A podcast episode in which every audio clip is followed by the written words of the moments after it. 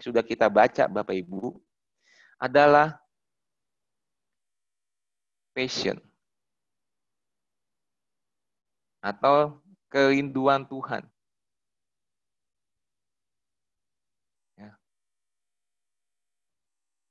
Ini berbicara tentang apa? Ini berbicara tentang hatinya Tuhan.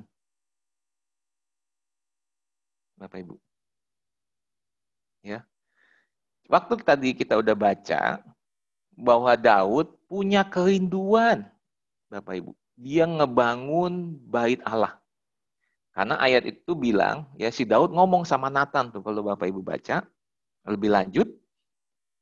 Daud bilang begini sama Nathan, Nabi Nathan. Nathan, saya kok tinggal di istana megah. Ya, begitu hebat istana saya. Ruangannya begitu banyak, dibuat dari batu-batu yang hebat, penuh emas dan permata. Tetapi Tuhan yang saya sembah tinggal di kemah. Begitu. Ya, jadi Daud berkeinginan Bapak Ibu untuk apa? Untuk membangun bait Allah. Ya, membangun bait Allah.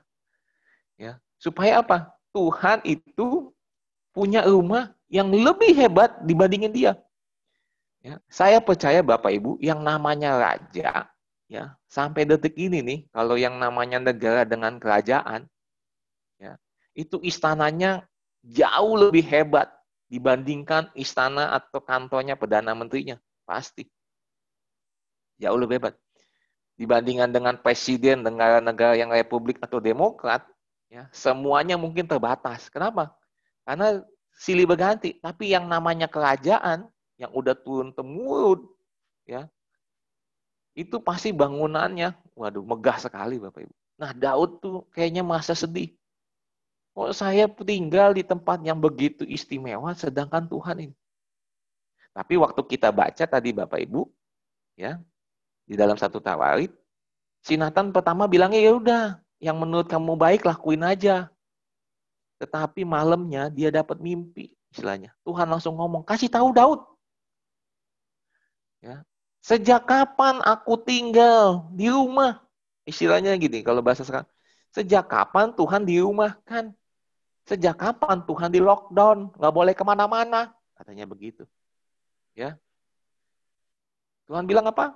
Aku ini nggak pernah diem di dalam rumah, katanya. Berarti ini Tuhan orang lapangan. Nah, enggak ya, bukan. Maksudnya gini, Tuhan tuh nggak bisa di rumah, kan? Sejak aku nuntun orang Israel, katanya. Keluar dari Mesir, sampai hari itu, katanya. Sampai hari ini. Aku nih mengembara dari kemah ke kemah dan dari kediaman ke kediaman. Ya. Tetapi kalau Bapak Ibu cerita lihat lanjutannya, Tuhan izinkan. Tapi izinkannya bilang begini, ya nggak apa-apa. Ya, saya tahu isi hatimu. Kamu mau ngebangun buat aku yang istimewa. Dasarnya apa sih sebenarnya dia? Dasarnya yang di Mazmur 69 itu, Bapak Ibu dan 84 di mana Daud tuh dibilang cinta untuk rumahmu itu menghanguskan aku katanya. Dia begitu rindu selalu ada di rumah Tuhan atau kemah waktu itu. Dan bahkan di Mazmur 84 dikatakan apa? Daud punya nyanyi lebih baik satu hari di pelataranmu Tuhan daripada seribu hari di lipat lain. Lebih baik berdiri di ambang pintu rumah Allahku, ya pintu kemah daripada diem di kemah orang fasik katanya. Ya, jadi Tuhan ngelihat kerinduan Daud. Nah, yang menjadi kerinduan Daud itu Bapak Ibu, itulah kerinduan Tuhan. Di mana Tuhan mau membangun bait Allah sesungguhnya yang kekal. Yang intinya sebenarnya Tuhan punya rancangan nanti lewat Yesus akan dibangun bait Allah yang kekal yang tidak bisa dihancurkan oleh siapa pun. Ya. Nah, waktu Yesus Tuhan ngomong, Allah ngomong kepada Daud, iya, tapi bukan kamu yang bangun Daud, tapi anakmu. Maksud Tuhan sebenarnya ngomong tentang Yesus, bernubuat tentang Yesus. Tetapi Daud nangkepnya, oh ya, nanti anak saya, si Salomo yang ngebangun. Tuhan gak marah loh Bapak Ibu. Karena Tuhan tahu Daud ini punya kerinduan yang persis sama dengan kerinduan Tuhan. Persis sama. Bahwa Tuhan mau memulihkan bait Allah itu. Bukan seperti kemah yang dibuat Musa, bukan. Termasuk bukan Salomo yang dimaksud, bukan sebenarnya. Tapi nanti Yesus. Tapi karena kerinduan Daud, cintanya begitu besar kepada Tuhan. Ya, Tuhan nggak marah. Ya. Ibarat tuh Tuhan lagi menurunkan, bukan standar, tapi menurunkan pemahaman. Oh iya, pemahaman Daud sampai segitu nggak apa-apa. Tapi saya lihat hatinya, kerinduannya, cintanya buat saya. Nah ini yang Tuhan rindukan, Tuhan berikan kepada kita nih Bapak Ibu, sebagai orang percaya. Tuhan mau kita itu mendapatkan berkat Allah ini. Apa? Kerinduan Tuhan. Boleh Bapak Ibu kita punya kerinduan lain ya seperti di dunia ini mungkin boleh.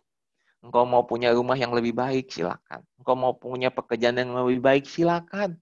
Engkau punya apa ya hubungan dengan sesama, dengan pasangan, dengan keluarga lebih baik. Ya itu juga Tuhan mau.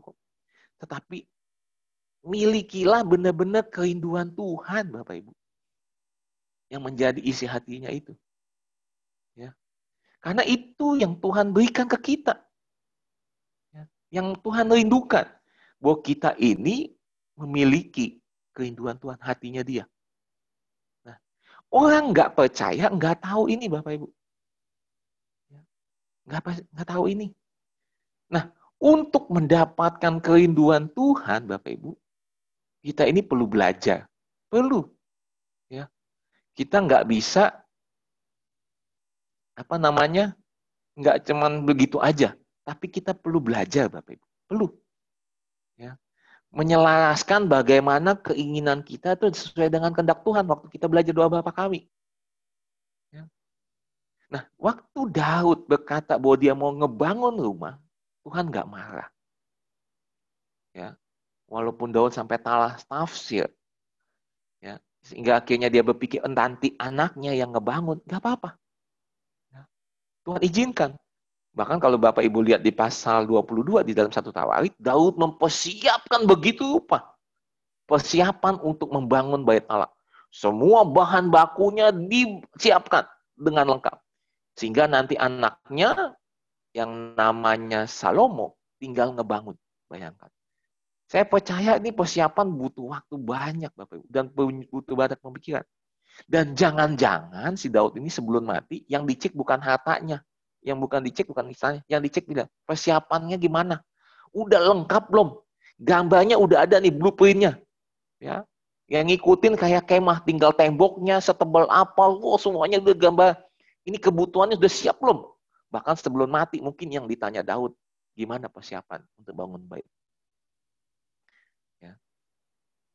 Karena itu Bapak Ibu, yuk mari kita miliki menjadi kerinduan Tuhan di dalam hati kita juga. Ya. Dan ini perlu dilatih sedikit demi sedikit. Bagaimana mulai ngelatihnya? Kalau menurut saya, setelah saya pikir-pikir Bapak Ibu, mulailah dengan kita melayani. Mulailah kita berkorban. Mulailah kita berbagi kepada sesama di sekitar kita. Kenapa? Karena kerinduan Tuhan, kalau kita baca Alkitab, Bapak Ibu, ya, selalu pengennya menyelamatkan semua orang. Pengennya tuh mengasihi semua manusia. Ya, nah, kalau kita belajar, Bapak Ibu, untuk melayani, berbagi, mengasihi, berkorban, saya percaya lama-kelamaan kerinduan Tuhan akan nempel ke kita dan bahkan kita lebih tahu Tuhan maunya apa. Ya. Bahkan kemarin kita udah belajar dalam Yohanes 15. Waktu kita belajar untuk saling mengasihi, Bapak Ibu. Begitu banyak berkat yang Tuhan kasih. Kekudusan, ketaatan. Dan kita bisa tahu isi hati Tuhan. Karena kita udah jadi sahabatnya Tuhan. Ya. Nah inilah Bapak Ibu yang pertama. Ya. Mungkin hal ini yang pertama nggak terlalu membingungkan. Nah sekarang kita masuk yang kedua nih Bapak Ibu. Ya. Hal kedua yang Tuhan berikan ke kita nih Bapak Ibu. Ya. Namanya adalah freedom. Kebebasan yang Tuhan kasih. Ya. Dan ini berbicara tentang apa? Kalau tadi hatinya, ini berbicara tentang cintanya.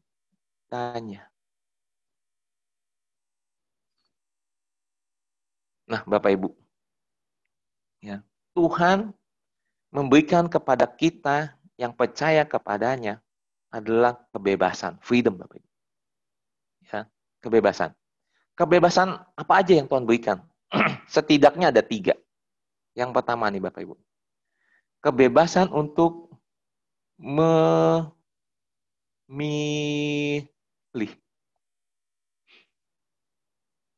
Ya, kebebasan untuk memilih. Nah, tolong disimak baik-baik nih Bapak Ibu. Tahukah kita Bapak Ibu bahwa sebelum kita lahir baru, ya, sebelum kita lahir baru, kita ini ya, mungkin pernah berpikir bahwa kita punya kebebasan untuk memilih. Tetapi sebenarnya Bapak Ibu, ya, nggak sama sekali. Ya. Bayangkan ketika kita di dalam penjara Bapak Ibu. Ya. Di dalam penjara kita nggak memiliki kebebasan. Iya, betul di dalam penjara kita bisa makan, bisa minum, bisa ke toilet, ya, bisa tidur, bisa olahraga, bisa kerja, bisa. Tetapi di dalam penjara dosa, Bapak Ibu, waktu kita terbelenggu dengan hukum dosa, ya, kita sama sekali nggak punya pilihan. Kita bahkan nggak punya hak untuk memilih. Karena kita itu terikat dengan dosa. Terikat. Sehingga kita perlu sadari baik-baik Bapak Ibu, bahwa waktu Yesus datang menebus kita, dan kemudian kita lahir baru, Bapak Ibu. Ya. Dan sesudah kita lahir baru, kita diberikan kebebasan. Dan kebebasan untuk memilih itu baru kita miliki sesudah kita dilahirkan baru. Sesudah Bapak Ibu. Ya. Memang Bapak Ibu, orang-orang yang belum kenal Tuhan atau belum lahir baru istilah ini. Ya, istilah lahir baru itu adanya di mulai Yohanes 3. Ya. Bisa nggak mereka dilatih untuk berubah? Bisa jawabannya, bisa. Ya. Tetapi sebenarnya Bapak Ibu, mereka itu nggak punya kebebasan ya, kemerdekaan sepenuhnya seperti yang kita alami. Ya. Kenapa? Karena Alkitab mengatakan kebenaran yang membebaskan. Kristus memerdekakan kita. Dan semerdekanya itulah Kristus berikan kepada kita. Bapak. Ya.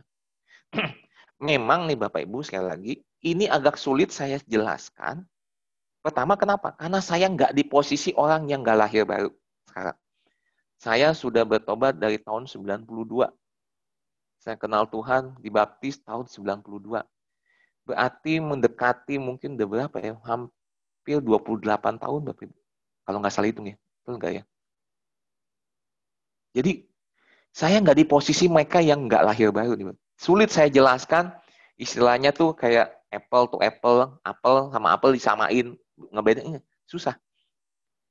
Dan saya nggak mau berdebat dengan siapa pun ya untuk hal ini. Tetapi Bapak Ibu coba telaah deh baik-baik. Orang yang belum lahir baru bisa dilatih untuk dia menjadi orang yang lebih baik. Bisa. Tetapi bedanya di mana? Bedanya dia punya kebebasan, tetapi kebebasan yang terbatas yang sudah dilatih saja. Karena Alkitab jelas tadi mengatakan, saya katakan, Waktu Kristus memerdekakan kita, kita benar-benar merdeka, Bapak. Benar-benar merdeka. Merdeka apa? Merdeka untuk memilih yang pertama. Ya. Saya contohkan begini nih Bapak Bu, umpamakan. Kalau saya sekarang kebiasaan nulis pakai tangan kanan. Ya. Tiba-tiba tangan saya sakit yang kanan. Aduh, nggak bisa nulis nih. Ya. Ya. Jadi saya berusaha menulis dengan tangan kiri saya. Saya lakukan pelan-pelan, sehari demi sehari, lama kelamaan, saya percaya Bapak Ibu, saya bisa nulis pakai tangan kiri. Bisa. Silati terus menerus. Ya. Nah, waktu tangan saya yang kanan sembuh Bapak Ibu, berarti saya sekarang punya dua pilihan. Ya. Saya mau nulis pakai tangan kanan, atau saya mau nulis pakai tangan kiri. Betul nggak? Ya. Nah, seperti itulah sebenarnya manusia, Bapak Ibu, di dalam tabiat dosanya. Ya. Misi, misalnya begini, Bapak Ibu. Saya kasih contoh, anggaplah si A. Ya, dia itu lagi bosen, orangnya gampang marah, ya. Dia masak lelah, lapar, kesepian, begitu ya. Dan si A ini belum lahir baru nih. Dia nggak punya pilihan lain. Kalau dia lagi bosan, dia lagi mah, dia lagi kesepian, dia lagi lelah, termasuk lagi lapar. Ya. Dia cuma punya pilihan satu, Bapak Ibu, untuk membuat diri dia enak, nyaman, dia melakukan stimulus-stimulus, misalnya stimulus seks lah, atau apa pun. Yang membuat jadi ada penghiburan bagi dia, menurut dia itu. Kenapa? Mungkin bagi dia, ah ini yang penting cepat aja dah. Yang penting mudah, murah lagi. Ya, untuk menghilangkan kebosanan, menghilangkan rasa marah, menghilangkan rasa kesepian, rasa lelah. Ah udah, saya cari penghiburan. Ya. Hasilnya Bapak Ibu, waktu si A melakukan ini, dia terasa terhibur. Dan waktu dia lakukan berulang-ulang, berulang-ulang, dan berulang-ulang, di mana orang-orang menyebut ini menjadi kebiasaan baru, jadi habit yang baru. Ya. Tapi di Alkitab dikatakan sebagai dosa dan keterikatan. Ya. Tetapi bagi si A, ini hanya untuk membuat dia lebih terhibur. Kata dia. Karena dia belum lahir baru. Dia nggak punya cara lain, dia nggak punya pilihan lain. Ya, dia cuma tahu waktu menghilangkan kebosanan, menghilangkan kesepian, menghilangkan rasa gak enak, lapar, dan segala macamnya. Dia lakukan hal itu. Ya. Nah, apabila si A ini sadar, aduh ini bukan perbuatan baik, ya, saya harus berubah. Kemudian dia dilatih nih Bapak Ibu, dilatih untuk mengubah kebiasaan buruknya menjadi kebiasaan baik. Kebiasaan yang mengikat itu diganti dengan kebiasaan yang lain. Ya. Jadi dia kemudian dilatih sedikit demi sedikit, pelan-pelan, pelan-pelan. Apa misalnya? Kalau engkau lagi bosan, engkau lagi kelelahan, engkau lagi capek, engkau lagi sendirian, nyanyi. Kamu olahraga, bisa nggak dilatih itu? Bisa, Bapak Ibu, bisa. Dan lama-lama tentu dia bisa teralihkan ada kebiasaan baru. Dan otaknya, waktu ada timbul kebosanan, waktu ada timbul kesepian, ya, kelelahan, kecapean, dia ada pilihan. Mau stimulus ini, seks, atau kita saya nyanyi aja ya, atau olahraga. Ada pilihan. Nah, nah Bapak Ibu, di mana Roh Kudusnya sebenarnya? Waktu orang mulai sadar, saya percaya kalau sampai orang itu sadar bahwa ini sebuah tindakan yang salah, saya percaya itu bukan serta-merta kekuatan manusia. Itu serta-merta kekuatan Tuhan. Istilahnya pekerjaan Roh Kudus. Kenapa nggak gampang Bapak Ibu menyadarkan orang seperti itu? Enggaknya. Ya, itulah pekerjaan Tuhan. Kalau dia sampai sadar dan mau berubah, Bapak Ibu, itulah karya atau pekerjaan Roh Kudus. Nah, Yesus datang Bapak Ibu ke dunia ini untuk memberikan bukan hanya kasihnya, dirinya, tapi dia memberikan apa? Kebebasan kepada kita untuk memilih. Kita semua diberikan hak untuk memilih sekarang oleh Tuhan. Di saat kita lagi males, kita lagi dihadapkan Engkau mau rajin apa males? Itu pilihan. Ketika kita sudah lahir baru nih, kok masih bisa marah ya? Yaitu kita dihadapkan pilihan. Kamu mau sabar atau kamu mau marah-marah. Ya. Jadi Bapak Ibu, kita diberikan kebebasan, diberikan kesempatan untuk bertindak. ya Sama Tuhan. Walaupun memang Bapak Ibu, menurut saya ini agak beresiko buat Tuhan. Resiko banget. Tuhan kasih kebebasan untuk memilih. Ini sangat beresiko bagi Tuhan. Tetapi apa? Tuhan memberikan kepercayaannya kepada kita. Ya. Karena apa? Karena Tuhan mau kita tuh belajar. Untuk apa kita bisa memahami bahwa apa pun keputusan kita, Bapak Ibu, apa pun, ya pasti ada konsekuensinya, pasti ada akibatnya. Dan Tuhan izinkan itu, izinkan itu. Ya. Tuhan nggak mau buat kita kayak robot, Bapak Ibu.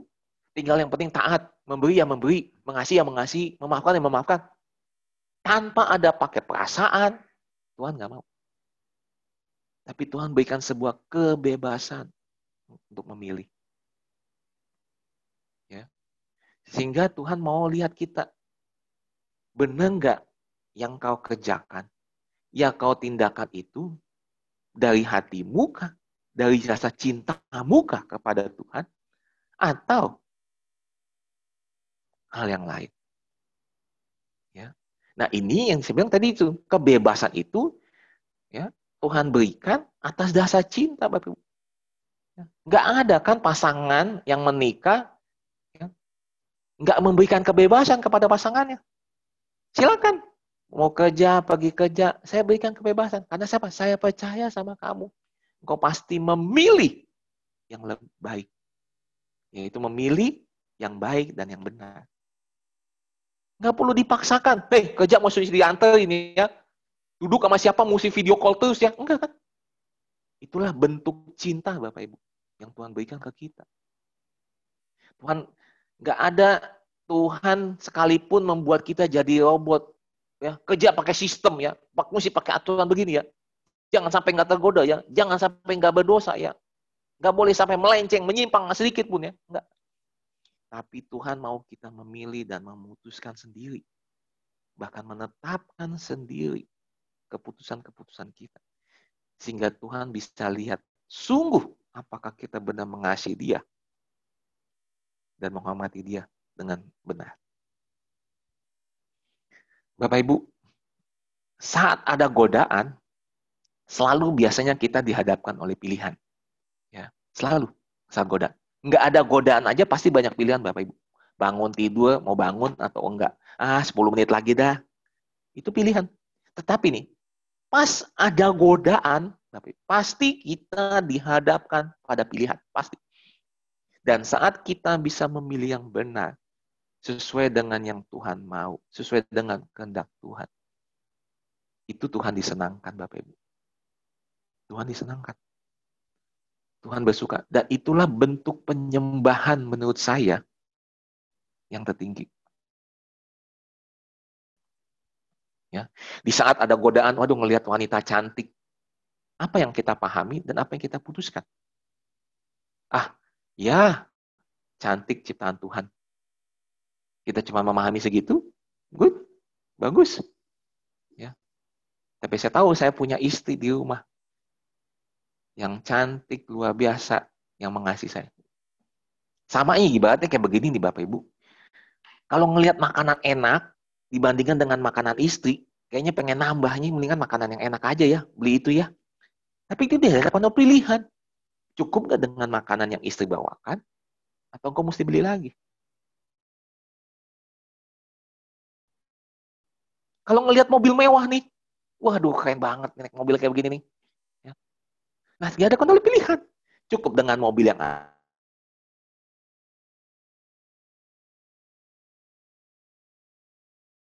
Semua godaan yang datang, kita dihadapkan untuk memilih.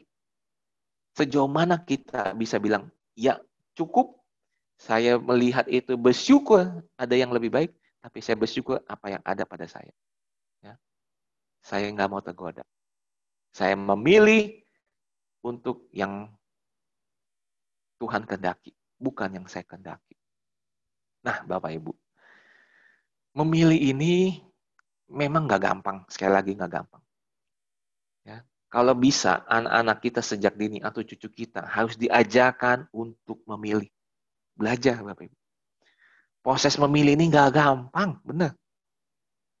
Jangan nanti keburu gede, baru kita belajar milih. Kenapa? Karena selalu milih itu ada konsekuensinya. Konsekuensinya pasti ada, Bapak Ibu. Ya. Salah satunya yang saya pernah belajar bagaimana mengajarkan anak kita memilih. Ini mungkin menjadi tips.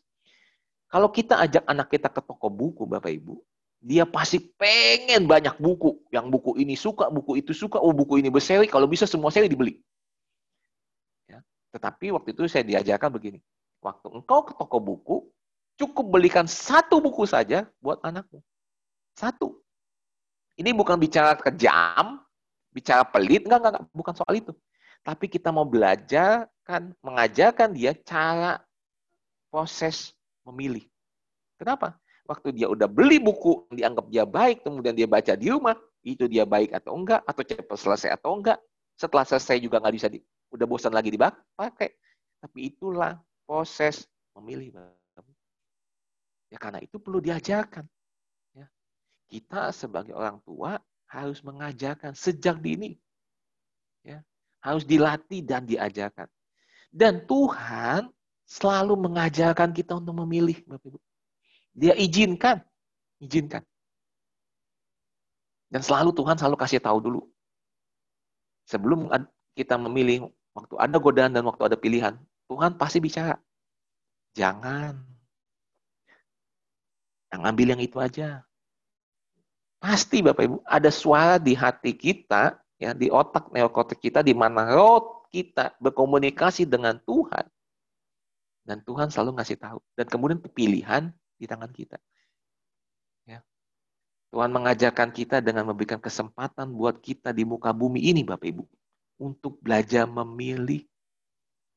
Kenapa? Karena kita sekarang sudah dimerdekakan. Ya walaupun kita ini kadang terpleset jatuh dalam dosa. Ya,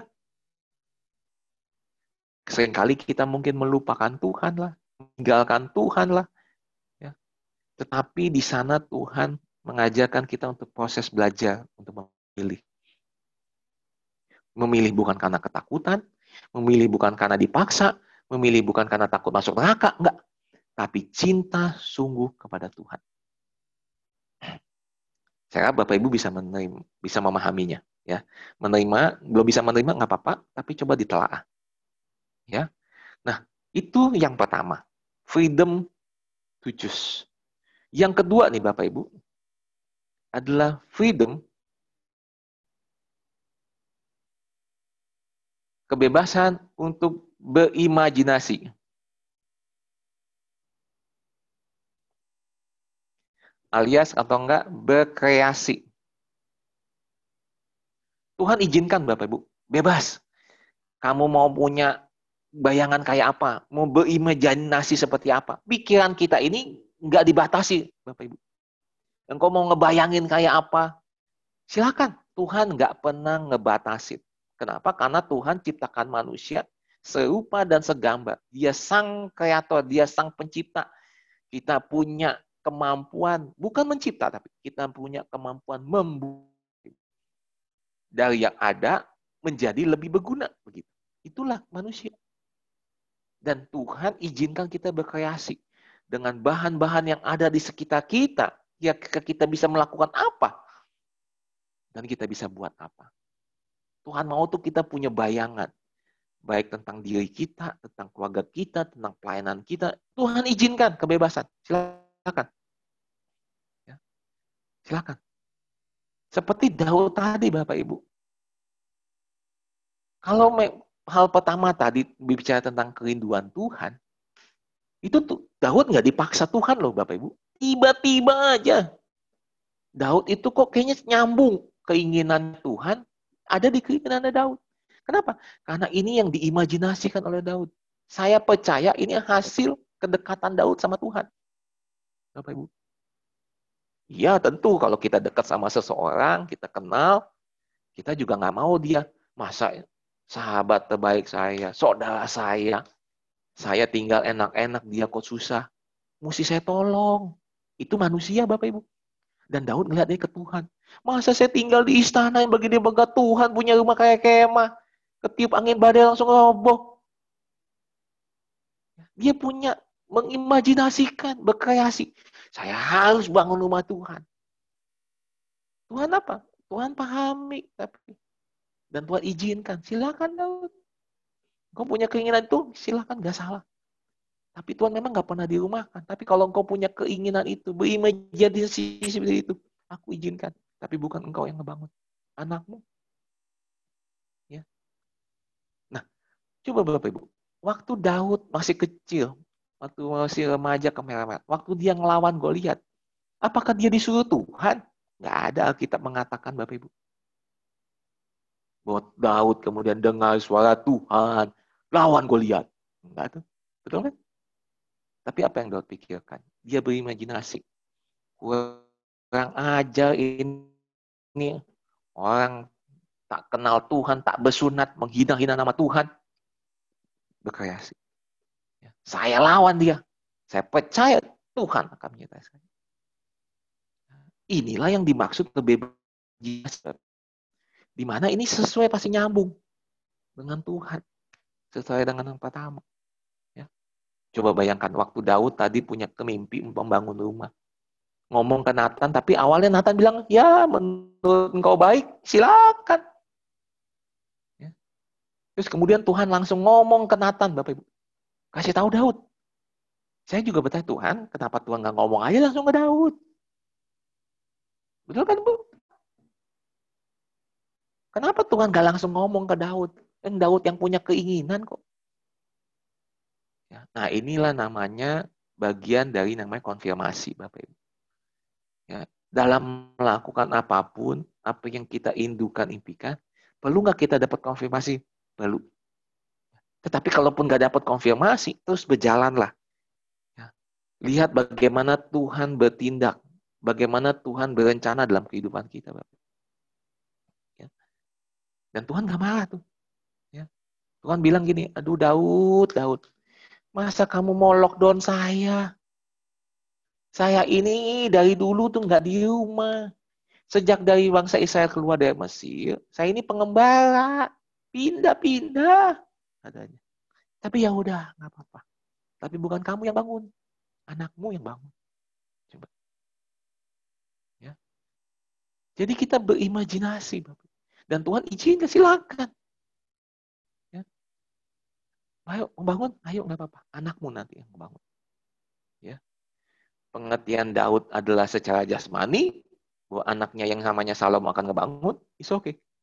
Tapi bagi Tuhan sebenarnya dia bilang, Yesuslah yang menjadi anakmu. Karena Yesus disebut anak Daud detik ini. Bahwa dia yang membangun bait Allah yang kekal. Nah itulah yang dimaksud freedom to imagine. Kebebasan untuk berimajinasi atau berkreasi. Ini Tuhan kasih Bapak Ibu ke kita. Ini berkat loh. Ya, dari kerinduannya, dari kebebasan untuk memilih, kebebasan untuk berkreasi. Ini berkat Allah yang nggak ada nilainya. Nggak bisa diukur dengan uang Bapak Ibu. Nggak bisa. Nggak bisa. Dan masih ada lagi. Yang ketiga. Kebebasan apa? Kebebasan untuk meminta. Meminta Bapak Ibu.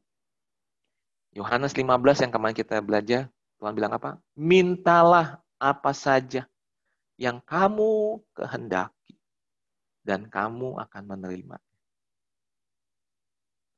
Ya. Ini kebebasan Bapak Ibu. Tuhan izinkan kau meminta, silakan. Dan tentu pasti dengan konteks Bapak Ibu. Ya, seperti kita dengan bapak dan anak. Nggak mungkin anak kita yang balita kayak saya si Liv masih di bawah lima tahun, dia minta pisau, nggak bakal saya kasih. Dia mau bawa bawa motor, bawa mobil, saya nggak bakal kasih. Anak saya 12 tahun juga bakal kasih, nggak bakal. Tapi kasih sedang posisinya. Tapi boleh nggak minta? Silakan, silakan. Itu Tuhan izinkan. Tuhan mengizinkan kita untuk kita bebas meminta apa saja sejak kita lahir baru. Ya, dan waktu Daud minta dia mau bangun rumah, Bapak Ibu, sekali lagi. Daud kan gak, Tuhan nggak langsung marah. Nggak boleh. Nggak. Nggak perlu tuh. Aku nggak perlu. Nggak. Memang kasih tahu, ya saya nggak butuh rumah. Tapi Tuhan mengizinkan. Ya. Dia memahami pemahaman Daud. Dia mengabulkan permintaannya. Nah, inilah Bapak Ibu dikasih. Ya, dua hal ini yang ya. Ada yang ketiga nanti saya kasih tahu. Ya. Pertama, apa kerinduannya? Ini berbicara tentang hatinya. Yang kedua, kebebasan. Ini berbicara tentang cintanya Tuhan kepada kita. Ya. Bapak Ibu coba bayangkan aja dengan pasangan. Waktu kita menikah, mencintai pasangan kita, orang yang kita cintai, kita kasih kebebasan dia memilih. Kebebasan untuk dia berimajinasi, berkreasi. Ya, dia mau bikin kue kayak, kayak gimana, ya. Mau bikin rasa yang kayak gimana terserah. Dia mau minta ke kita ya silakan. Nggak dipaksa, nggak dibatasi, silakan. Itulah bentuk dari cintanya seperti Tuhan cinta kepada kita. Ya, saya harap Bapak Ibu dan Bapak ini bisa mengerti. Nah, sekarang Bapak Ibu, yang ketiga nih.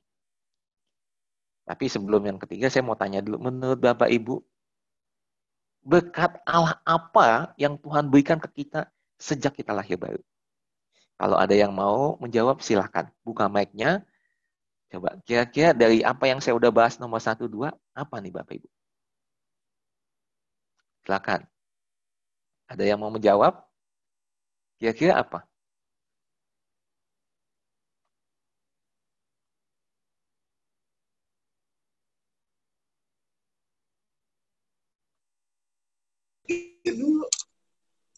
Ya, silakan. Cihani ya? Atau siapa ini? Uh, apa tadi berkat ya. apa yang kita miliki kita lahir? Eh, setelah lahir baru. Oh, setelah lahir baru. Iya, ini semua berbicara setelah lahir baru, Ci. Hmm. Apa kira-kira dari yang udah saya bahas nih? Ada satu lagi. Saya menurut saya nih tiga ini ini yang utama yang Tuhan kasih ke kita. Nah, ada satu lagi, Ci. Itu.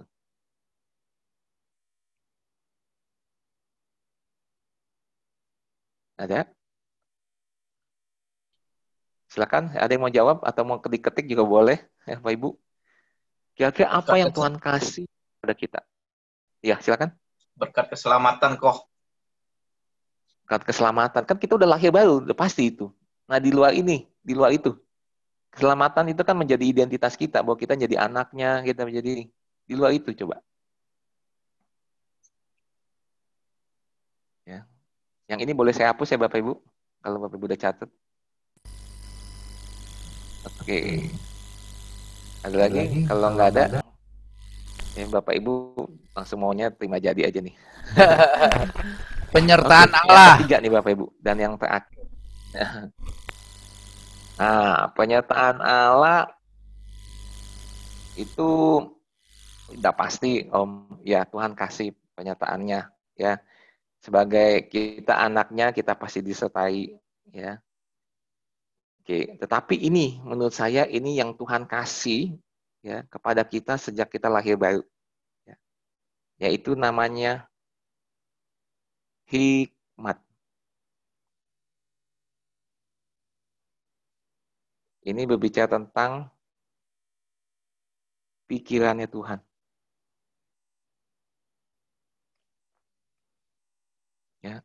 Kalau kerinduan berbicara tentang hatinya, kalau kebebasan berbicara tentang cintanya, nah hikmat atau wisdom berbicara tentang pikirannya Tuhan. Bapak Ibu ingat bagaimana waktu Salomo menggantikan Daud? Tuhan bilang, kamu mau minta apa? Dan Salomo bilang, saya minta hikmat, nggak minta kekayaan, nggak minta musuhnya semua kalah, nggak, tapi minta hikmat. Dan Tuhan bilang, ya betul, itu memang yang aku kasih. Hikmat. Dan kalau Bapak Ibu baca di dalam kitab Amsal, memang hikmat lah. Ya, bahkan di akhir janjian baru, di dalam 1 Korintus 124, Kristus atau Yesus disebut sebagai hikmat Allah. Waktu kita terima Tuhan Yesus, kita bukan hanya terima pribadinya, Bukan terima keselamatannya, tapi kita terima yang namanya hikmat. Bapak Ibu. Ya. Nah, ini yang Tuhan berikan ke kita. Ini menjadi berkat yang dia dan nilai-nilainya Bapak Ibu. Benar-benar. Ya, hanya orang percaya yang punya ini. Ya. Nah, di dalam hikmat pasti ada solusi. Ada jalan keluar.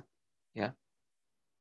Ada hal-hal yang nggak pernah kita bayangkan, nggak pernah kita pikirkan, nggak pernah kita dengar, itu yang Tuhan sediakan. Nah itu dia Bapak. Hikmat. Dan hikmat Allah ini jauh luar biasa Bapak Ibu. Sehebat apa? Nih, saya cuma ngebayanginnya begini. Bapak Ibu tolong bayangin. Ya.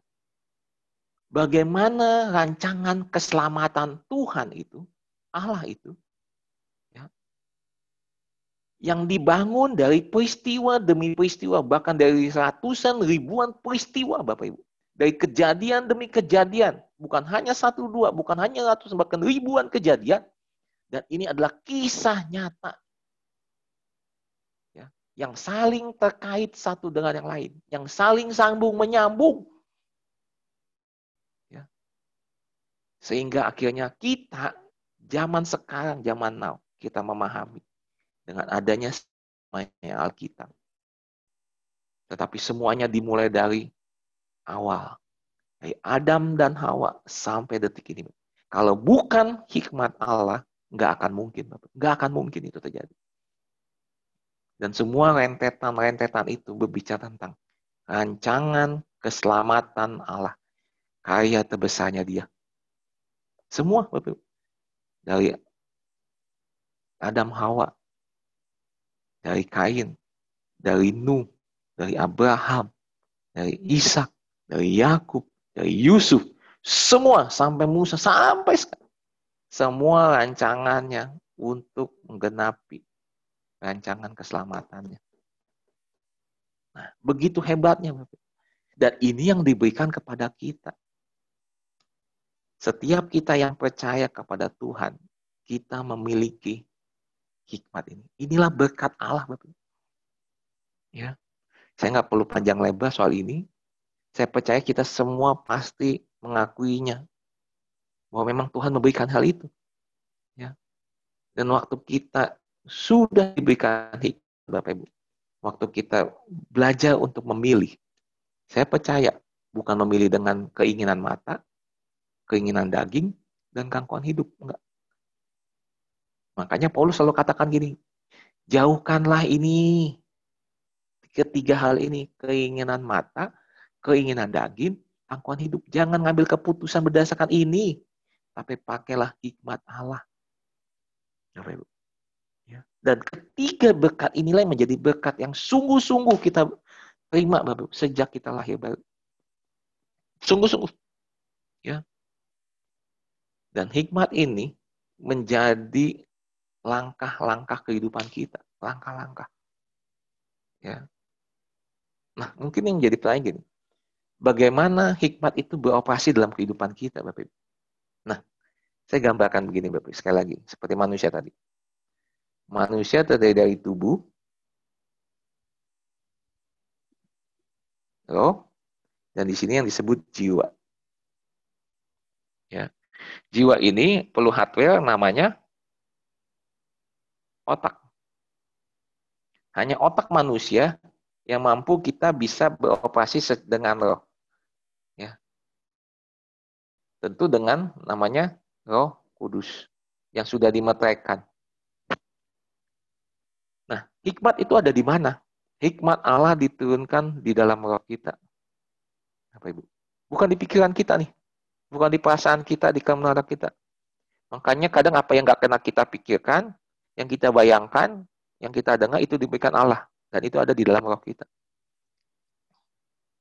Ya, hikmat Allah turun di dalam roh kita. Nah, kalau pikiran kita, jas jiwa kita ini terus menerus diperbaharui ini Bapak Ibu yang Paulus katakan itu, maka tubuh ini tinggal ngikut aja. Ngikut aja. Ya, maka Tuhan bilang apa? Perbaharilah pikiranmu hari demi hari. Ya, bukan karena keinginan mata, bukan karena keinginan daging, atau keangkuhan hidupmu. Tetapi karena apa yang ada di dalam roh. Keinginan roh. Ya.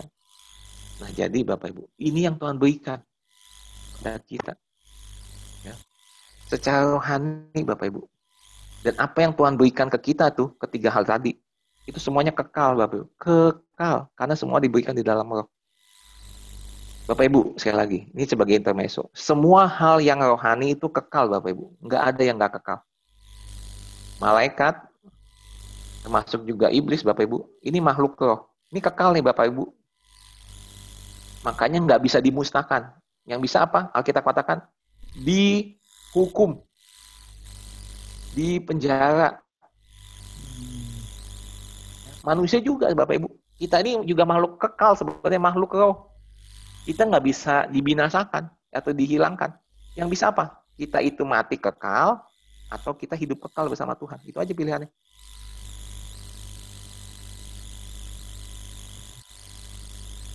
Nah ini tergantung bagaimana kita hidup. Apakah kita bersama Tuhan atau enggak. Dan inilah berkat yang Tuhan berikan kepada kita. Oke, saya rasa cukup sampai di sini dulu. Mungkin Bapak Ibu ada yang mau bertanya. Silakan. Saya mungkin lebih dalam lagi. Saya nggak tahu Bapak Ibu otaknya panas gak? ini soalnya mungkin boleh dibilang gabungan dari semua pembelajaran dan ini perenungan-perenungan saya belakangan ini Bapak Ibu. Ya. Ada yang mau ditanyakan? Silakan.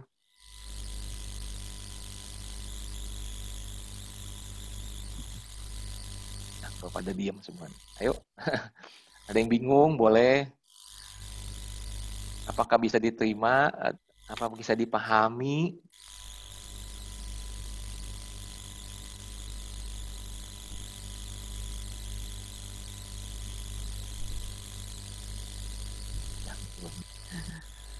Oke, kayaknya tinggal dua tutup aja nih. Ya, Andri bisa. Iya, gimana? Silakan, Pak Johan. Ya, jadi uh, yang poin tiga ya tadi mengenai hikmat hmm. gitu ya. Jadi hmm.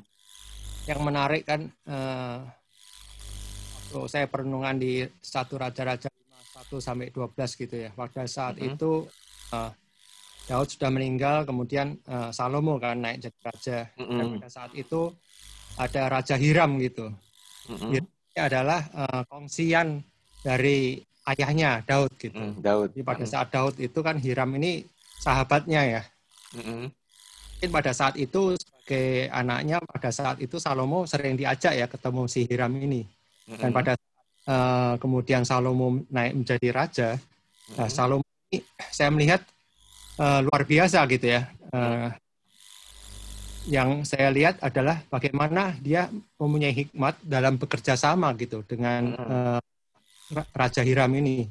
Di situ kan pada saat dia membutuhkan uh, kayu ya untuk membangun tadi uh, bait Allah itu karena kan hmm.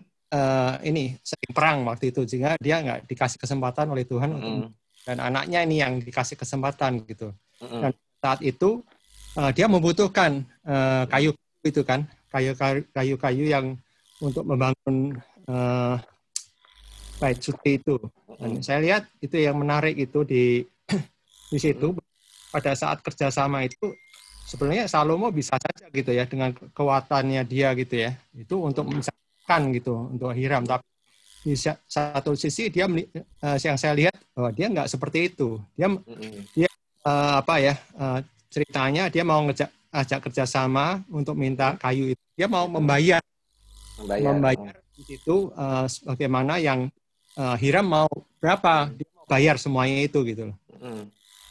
Dan itu saya melihat bahwa sampai si yang nggak percaya pada Tuhan itu jadi lihat wah luar biasa sekali nih Tuhannya si Salomo ini. Gitu. Dia mengakuin hmm. seperti itu.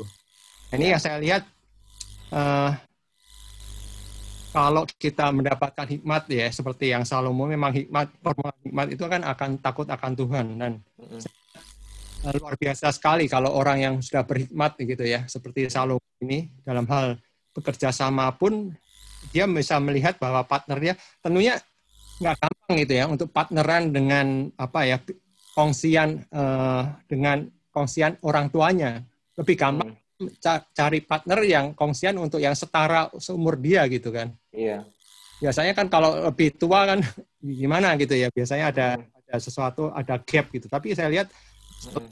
uh, apa ya dalam hal kerjasama itu untuk mendatangkan kayu-kayu itu apa smooth gitu sampai uh, dia dikatakan di, di kalau dibaca nanti gitu bahwa akhirnya kan Raja Hiram minta untuk disediakan makanan untuk uh, apa di apa, kerajaannya. Semua orang di kerajaannya Salomo apa diminta dibayar itu aja untuk makanan dicukupi dan itu Salomo memberikannya hal yang sama tahun demi tahun gitu. Jadi nggak jadi nggak pernah dikurangin gitu sama Salomo itu jadi luar biasa nih kongsiannya pasti seneng gitu kan seperti orang yang seperti Salomo ini gitu jadi dia hmm. mencintai keadilan dan menjunjung kesetiaan. Jadi dia setia.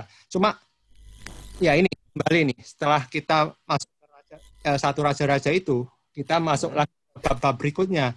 Ini yang harus hati-hati itu. Tadi mungkin hikmat tadi sudah diberikan, tapi hmm. jatuhan Salomo kalau kita perhatikan gitu. Salomo akhirnya jatuh loh. Kenapa bisa jatuh? Seorang yang sudah berhikmat seperti itu gitu ya. Tapi jatuh ini yang menjadi uh, perenungan kita bersama menurut saya nih.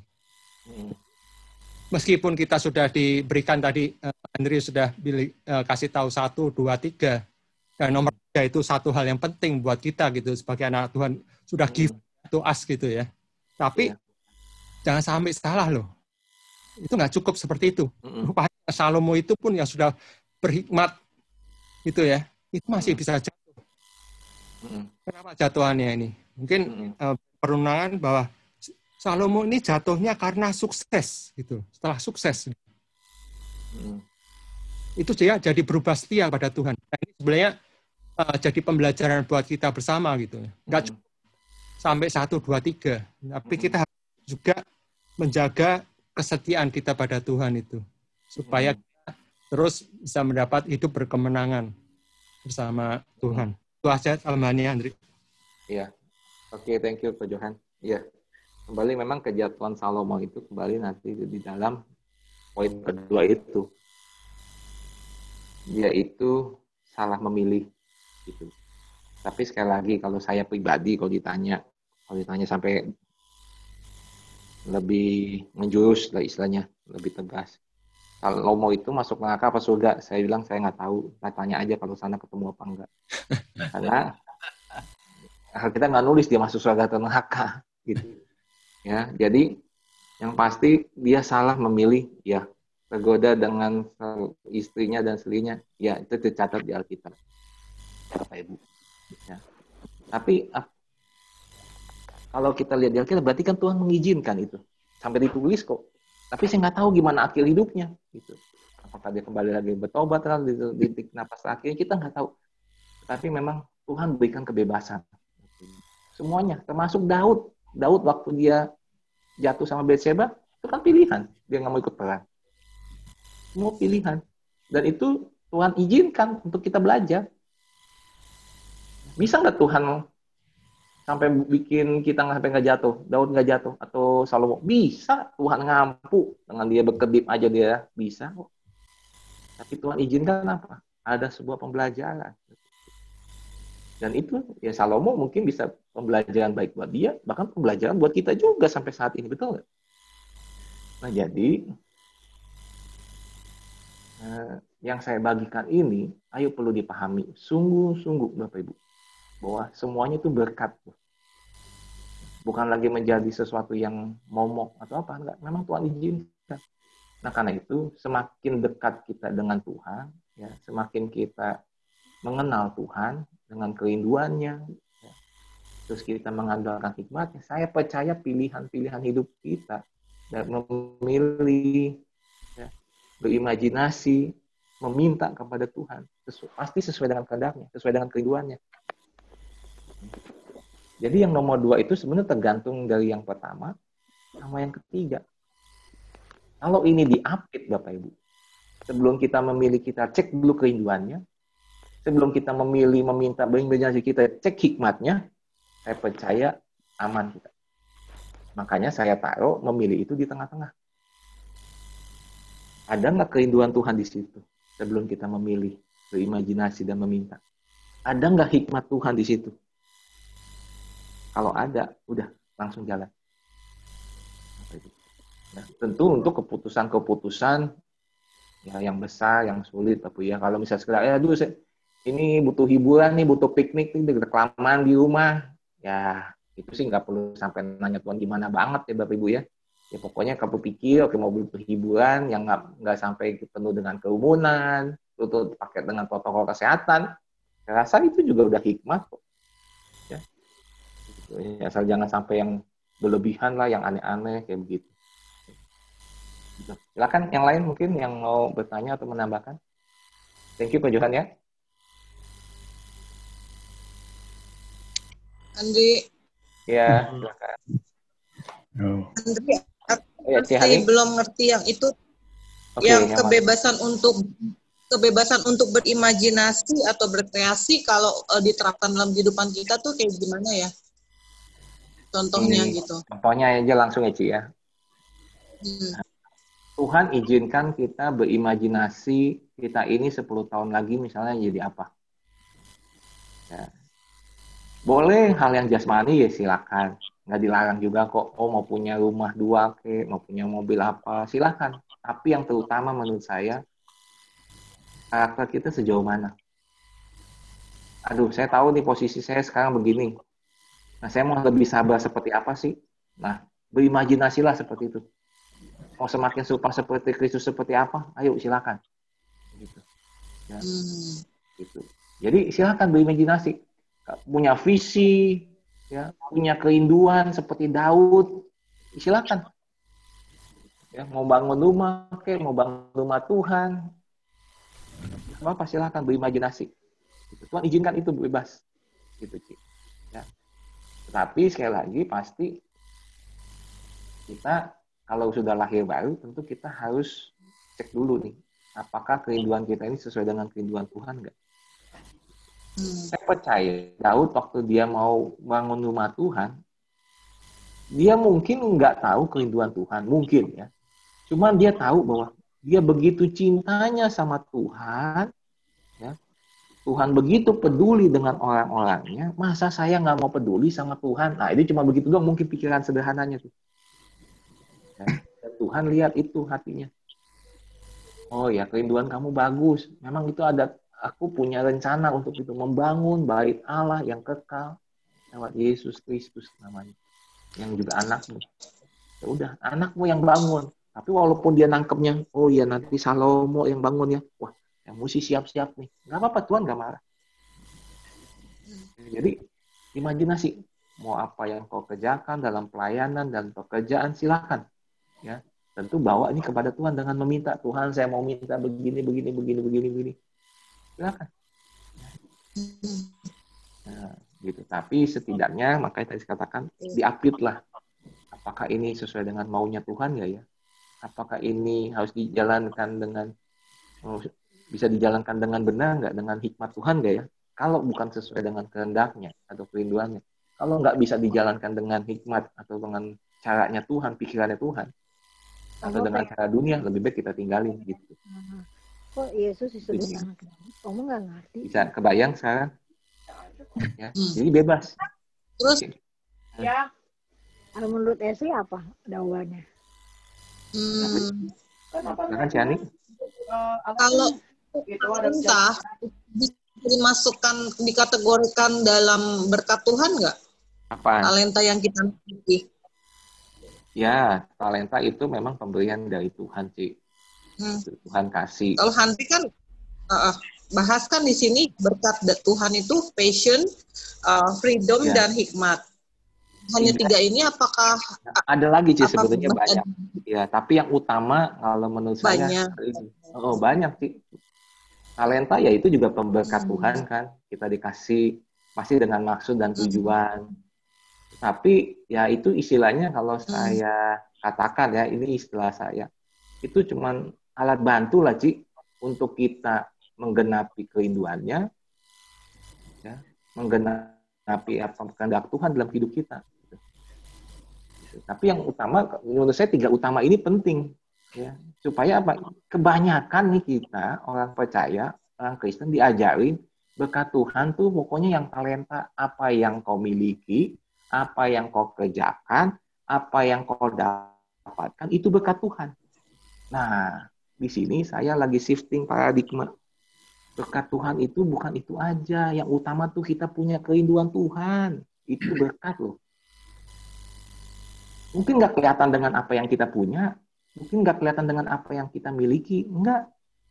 Tapi kalau kita bisa tahu kerinduannya Tuhan, wah itu berkat.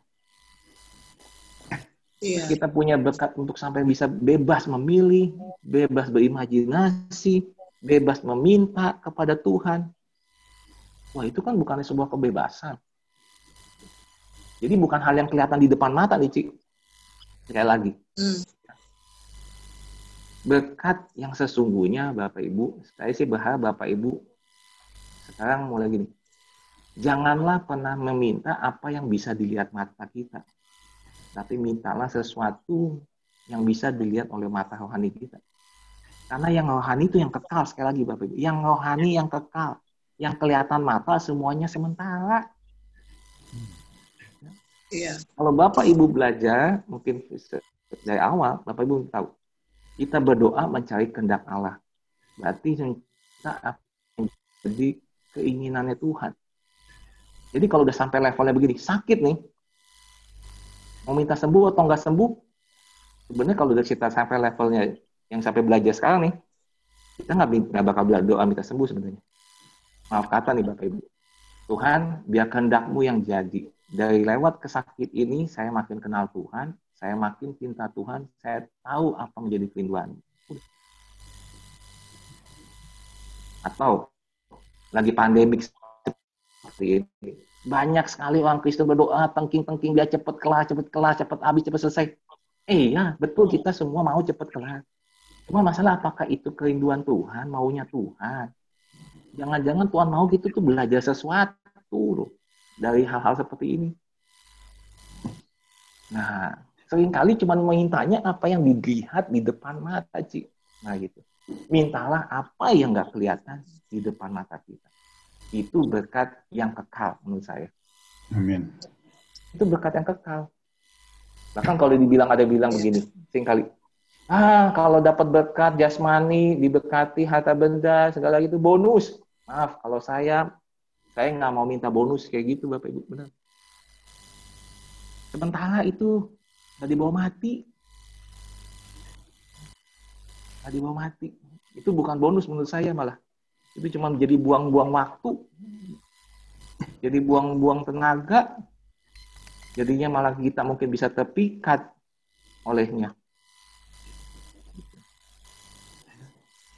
jadi saya berharap Bapak Ibu kita sama-sama naik level ya.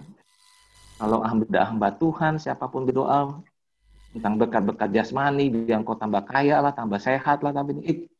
Benar nggak itu maunya Tuhan? Ya, tentu Tuhan mau kita sehat, Bapak Ibu nggak sakit. Dengan bilu-bilunya dia sudah menyembuhkan kita, amin. Saya percaya itu. Tetapi kalau sampai Tuhan, nah, saya lagi, kalau udah belajar yang kisah Ayub, bahwa pencobaan itu bukan datang dari Tuhan, kita kan bisa memahami Bapak Ibu. Ya, Bapak Ibu bisa kan udah bisa ngebayang kalau yang ikut pelajaran dari awal mungkin kan udah bisa membaca. Tapi kalau yang enggak tolong dengar rekamannya. Kalau mau saya kasih, nah, kalau enggak juga nggak apa-apa. Ya. Soalnya ini mungkin jadi seri apa ya kesimpulan konklusi dari semua yang kita udah belajar dari tujuan hidup, dari Taurat, anugerah dosa, tentang ke sepuluh firman, dari identitas, dari doa Bapa kami, dan ini gabungan semuanya. Ya, kalau ini diajarin di awal, wah ini jadi kacau ini. Tapi kalau yang udah dengerin dari awal, bisa memahami. Oh iya, yang saya maksud. Ya. Nah itu Bapak Ibu. ya. Jadi yuk kalau mau minta berkat sama Tuhan, jangan berkat yang jasmani. Memang kita butuh yang jasmani Bapak Betul, kita butuh duit di dunia ini betul. Tetapi kalau enggak, percayalah. Ya. Selama kita, kita rajin, ya, selama kita taat, selama kita tekun, saya percaya Tuhan mencukupi berkat jasmani kita. Ya. Di doa Bapak kami itu minta makanan kita secukupnya. Berbicara jasmani, iya. Tapi bukan hanya itu, dia juga berbicara tentang mintalah iman kepada kita. Setiap hari iman tuh mulai diminta, Bapak minta iman. Kenapa? Kalau enggak nanti iman kita bukannya makin bertumbuh, malah makin bantet. Gitu. Minta setiap hari. Gitu. Oke, thank you Ci buat pertanyaannya. Ya, sama-sama. Oke, yang lain mungkin? Ada yang mau bertanya? Ada ya, yang mau saya, Pak. Oh iya. Siapa dulu nih tadi? Pak Ramli ya? Boleh Pak, saya tanya. Iya boleh, boleh, boleh. Setelah lahir baru, kita dapat berkat hikmat ya tadi ya Pak ya? Iya, salah satunya hikmat. Hik hikmat ini bisa disamakan kepintaran nggak Pak? Oke. Okay. Artinya bisa disamakan dengan kepintaran? Mm -hmm. Bisa ya Pak ya? Ada lagi pertanyaannya Pak? Ah, pertanyaannya begini Pak, kan ada hmm. firman Tuhan berkata, mm -hmm. Tuhan bisa memakai orang bodoh -hmm. untuk Betul. mempermalukan hikmat dunia ini Pak. Betul. Apa Betul, maksudnya ini Pak? Di sini dikatakan bodoh di sini apa maksudnya Pak? Apa orang yang bodoh ini belum mengenal Tuhan -hmm. atau belum lahir baru atau memang sudah pilihan Tuhan untuk mempermalukan hikmat orang yang berhikmat di dunia ini, Pak. -hmm. Itu aja, Pak. Oke. Okay. Thank you, Pak Ramli, buat pertanyaannya. Jadi, Bapak Ibu, hikmat yang tadi kalau saya gambarin, Bapak Ibu masih ingat gak? Hikmat Allah itu diberikan bukan ke pikiran kita sebenarnya. Terutama diberikan kepada roh kita sebenarnya. Lewat roh kudus. Ya. Dan ini makanya Alkitab katakan apa yang nggak pernah dipikirkan apa yang nggak pernah dilihat, apa yang nggak pernah didengar, itu yang Tuhan berikan, itulah hikmat. Nah, kalau dibandingkan apakah hikmat itu kepintaran atau pengetahuan, lebih tinggi lagi para lebih tinggi lagi. Kepintaran, pengetahuan mungkin kita bisa dapatkan di dunia ini. Ya, pintar masak, pintar nyuci, pintar dagang, pintar ngomong, bisa didapetin. Itu bisa dilatih, bisa. Tapi hikmat itu jauh lebih tinggi. Ya. Nah kalau Alkitab tadi katakan bahwa Tuhan akan memakai orang bodoh untuk mempermalukan, ya bisa aja konteksnya ada orang percaya, orang lahir baru, tapi kelihatan dunia bodoh, tapi Tuhan bisa pakai, diberikan hikmat. Bisa. Ya, tetapi jangan pakai, oh ya udah kalau gitu kita bodoh-bodoh aja lah, nggak usah sekolah-sekolah tinggi-tinggi lah. Kita juga Tuhan kasih hikmat. Nah itu juga salah ya tetap kita mesti belajar ya kita tetap mesti punya pengetahuan mesti baca buku baca Alkitab. Kenapa karena hikmat Tuhan tuh ada di mana-mana kalau di kitab Amsal Bapak Ibu itu hikmat ada di gunung-gunung hikmat ada di alam dan itu kita bisa belajar bahkan Amsal apa kata belajar dari semut katanya coba bayangin nah jadi dilihat makanya sekitar kita itu penuh hikmat Tuhan. Karena dunia ini diciptakan dengan hikmat. Dengan perkataan firman, iya dengan perkataan Tuhan. Tapi itu dengan hikmat. Nggak mungkin sembarangan. Nggak mungkin dunia ini cuma di asal-asal. Kalau enggak itu bisa tabrakan itu bulan dan bintang. Planet-planet lain kalau nggak ada hikmat pikiran Tuhan, ya kita ngajarin sesuatu dengan sistematis pasti pakai pikiran. Nggak mungkin asal-asal. Kalau asal-asalan bisa jadi iya, tapi berantakan. Ya, jadi Pak Ramli, hikmat itu jauh lebih tinggi.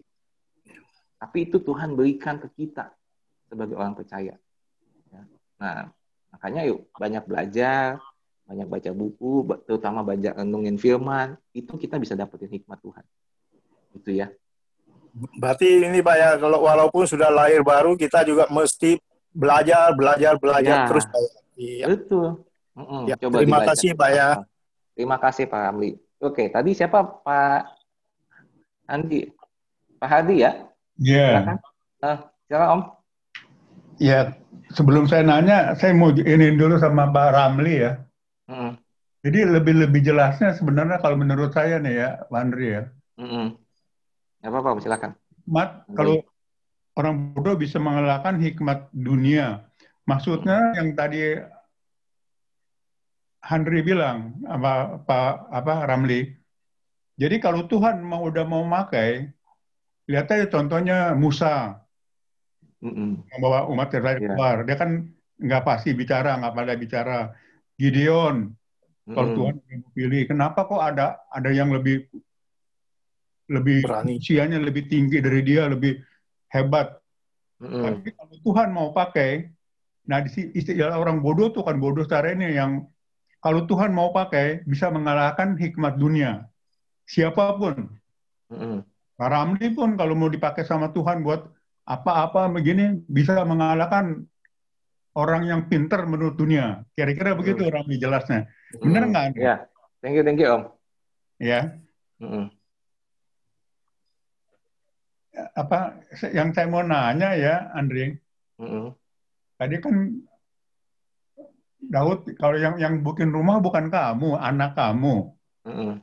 Kan kalau Daud apa pikirannya anaknya dong Salomo ya. Mm -hmm. Jasmani. Tuhan maunya nanti Tuhan Yesus. Mm -hmm.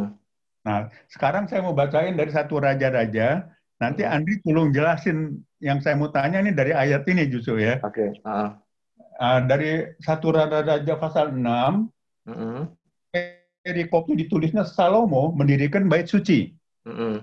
Ya, saya kita saya nggak baca semuanya, cuman saya baca di ayat 4 di ayat 14-nya 15-nya ada. Mm-hmm. Ya. Oke. Okay. Apakah nanti ini memang kehendaknya Daud minta Salomo membangun apa bagaimana? Mm-hmm. Tapi kok ada hal-hal yang yang baik gitu di sini yang saya mau tanyakan. Iya. Yeah. Jadi dari satu raja-raja pasal 6 ya, Salomo mendirikan bait suci. Di ayat 14-nya dan 15-nya begini bunyinya. Setelah Salomo selesai mendirikan rumah itu, jadi maksudnya bait suci itu ya, ya dia melapisi dindingnya rumah itu uh dari dalam dengan papan kayu aras. uh Lihat, dari lantai sampai uh ke balok langit-langit dilapisnya dengan kayu aras. uh Tetapi lantai rumah itu dilapisinya dengan papan kayu sanaubar. -uh. Dan ini luar yang kalau pemikiran saya luar biasa karena dua kayu ini. Zaman dulu tuh pohon sanaubar tuh pohon yang ya kuat yang kokoh lah begitu ya uh tinggi besar. Kayu aras juga nggak main-main. Yang saya dapat ya, ini tahu benar atau enggak, cuman yang saya pernah dapat kayu aras tuh pohonnya juga bagus tinggi dan hebatnya kenapa? Nggak ada mata kayunya. Uh -uh. Jadi kenapa kalau kalau bukan bait suci kok sampai dibangunnya sampai dengan memakai kayu ayas, eh, kayu apa? Kayu aras, pohon aras dari langit dari lantai sampai ke langit-langitnya. Nah lantainya sendiri pakai kayu sanobar gitu. Nah, yang saya mau penjelasan bukannya yang dari Andri itu ini, yang dari Andri ya, saya percaya itu memang yang dimaksud Tuhan Yesus. Tapi hmm. kenapa kita raja-raja ada ayat ini gitu loh, Pak Andri? Apa oh. karena ini kan Salom apa karena keinginan Daud aja memerintahkan Salomo begitu? Iya. Jadi itu aja pertanyaannya, Andri. Oke. Kalau kita balik ke Tawarid ya, Pak Hadi, Om Hadi, ya. ya. saya buka di kitab Tawarid ya. Ini saya buka pakai ini lebih cepat. Ya. Satu Tawarid 22 ya di situ perikopnya berjudul bahwa Daud itu mempersiapkan pembangunan bait Allah. Tadi kan kita baca ayat 20 ya. Dari Jadi ini satu perikop 22 itu satu hmm. tahun 22 judul perikopnya persiapan untuk mendirikan bait suci. Ya, jadi Daud tuh menyuruh mengumpulkan ini ayat, ayat 2 tuh orang asing yang ada di negeri Israel. Iya. Jadi semuanya dilengkapin tuh semuanya. Ya. Sebelum dia mati bahkan dikatakan di ayat yang kelima. Hmm. Dan kemudian ayat kelima pokoknya dipanggil Salomo anaknya. Diberikan perintah kepadanya untuk mendirikan rumah bagi Tuhan, Allah Israel. Nah, hmm. jadi dia kasih perintah ke anaknya. Ya, ayat ketujuh di 1 Tawid 22, kata Daud kepada Salomo, anakku, aku sendiri bermaksud hendak mendirikan rumah bagi nama Tuhan, Allahku.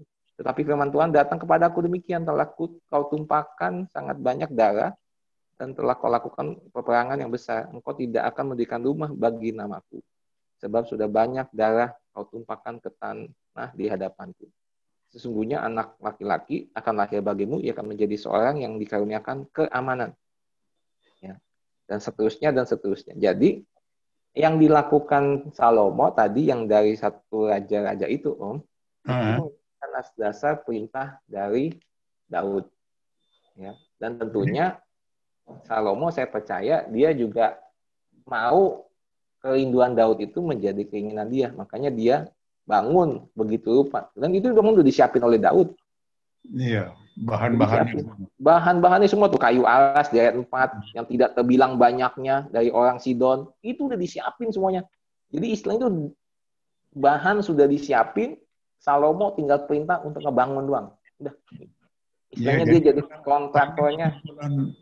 Karena kesimpulan Daud memang anaknya Salomo sih ya. Ya, cuman pemahaman dia segitu. Ya udah nggak apa-apa. Jadi, jadi tetap didirikan tuh yang namanya bait suci gitu ya. Didirikan, iya, nggak apa-apa. Diizinkan Tuhan kok. Nah, yang yang Andri bilang Tuhan nggak marah kok. Nggak marah. Ini itu memang imajinasinya ya. Iya, betul om. Kayak kayak kita anak kita gitu ngomong. Ya, Andri, ya? Oh, oh, sama anak kita nih, dia cuma ngertinya pemahaman oh iya ya burung bisa terbang udah gitu doang ya udah kita nggak perlu ngejelasin oh ada gravitasi lah. Nggak usah. Ya karena pemahaman anak-anak kan segitu. Nggak begitu juga Tuhan hmm. memahami kok pemahaman kita gitu. Nah. ya karena Daud tetap melaksanakan apa yang imajinasinya itu ya. Iya. Yang diizinkan nggak marah. Nggak marah tuh dia punya kerinduan kerinduan sama Tuhan gitu. Iya dan Tuhan lihat hatinya kan karena cintanya kepada umat Tuhan. Oke. Okay. Begitu. Cukup jelas, Andre. Cukup Terima ya, kasih. Sama-sama, Om. Oke, Bapak Ibu. Apakah ada lagi? Ibu Vila, ada mau bertanya? Cukup, Andre. Cukup ya. Ibu Sofi. Ibu Juni. Re. Iya. Mau nanya ini aja. Uh, kalau hikmat itu kan misalnya contohnya apa, Dre? Hikmat, hmm. hikmat apakah yang tiba-tiba nih misalnya ada satu masalah yang kita hmm. udah berserah lah nggak bisa ada solusi. Eh hmm. tiba-tiba nih datang nih pikiran nih yang hmm. bisa kayak baik gitu uh, tiba-tiba nih gitu bisa solusiin gitu. Apakah itu hikmat, Dre? Apa begitu bukan uh, maksudnya pemahaman hikmat? Mm-hmm. Oke, okay. itu aja, Tante? Ya itu aja. Ha-ha. Contohnya yeah. gitu, Dre. Hari-hari apa gitu misalnya? Uh, oh. Benar nggak begitu maksudnya gitu? Mm-hmm. Apakah yang tiba-tiba kita dapat? Apakah uh, bagaimana gitu? Uh, yang tepatnya gitu dengan hikmat ini gitu. Oke, okay. thank you, Tante. Nah, mungkin Bapak Ibu uh, bisa kasih contoh nggak yang di Alkitab, di mana ada tokoh Alkitab yang dikasih hikmat oleh Tuhan untuk akhirnya bisa melakukan sesuatu, gitu. Mungkin bisa. Kita contoh Alkitab dulu ya, Tante ya, karena kita patokannya kan Alkitab. Ada yang tahu kira-kira contoh di Alkitab di mana ada satu tokoh, terus kemudian Tuhan kasih hikmat, dan dia akhirnya melakukannya dan nggak pernah dipikirin, nggak pernah dibayangin. Ada nggak? Jimmy mungkin waktu ngajar sekolah minggu. lu kali ya. Hah? Nah, tadi tuh ada nyebut tuh Salomo tuh. Nih kita pakai yang nggak jauh-jauh nih yang pembahasan saya Bapak. Tante masih ingat gak waktu Salomo diperhadapkan oleh dua orang ibu yang ngaku-ngaku dia punya anak? Nah, hmm. itu kalau kita belum pernah baca itu, itu posisi sulit itu. Mana yang benar ibunya? Buktinya gimana? Kalau zaman sekarang tinggal tes DNA, betul kan? Kalau zaman dulu, coba. Gimana ngetesnya ini anak siapa? Masih bayi, mukanya masih begitu-begitu aja. Ya. Tapi kemudian Salomo dikasih hikmat oleh Tuhan. Ya, kelihatannya ini kok aneh ya gitu. Aneh memang kalau kita lihat. Itu Salomo sini, sini anaknya kasih saya kata dia. Saya potong bagi dua biar rata. kamu dapat badan kepala, kamu badan ke kaki, udah biadil.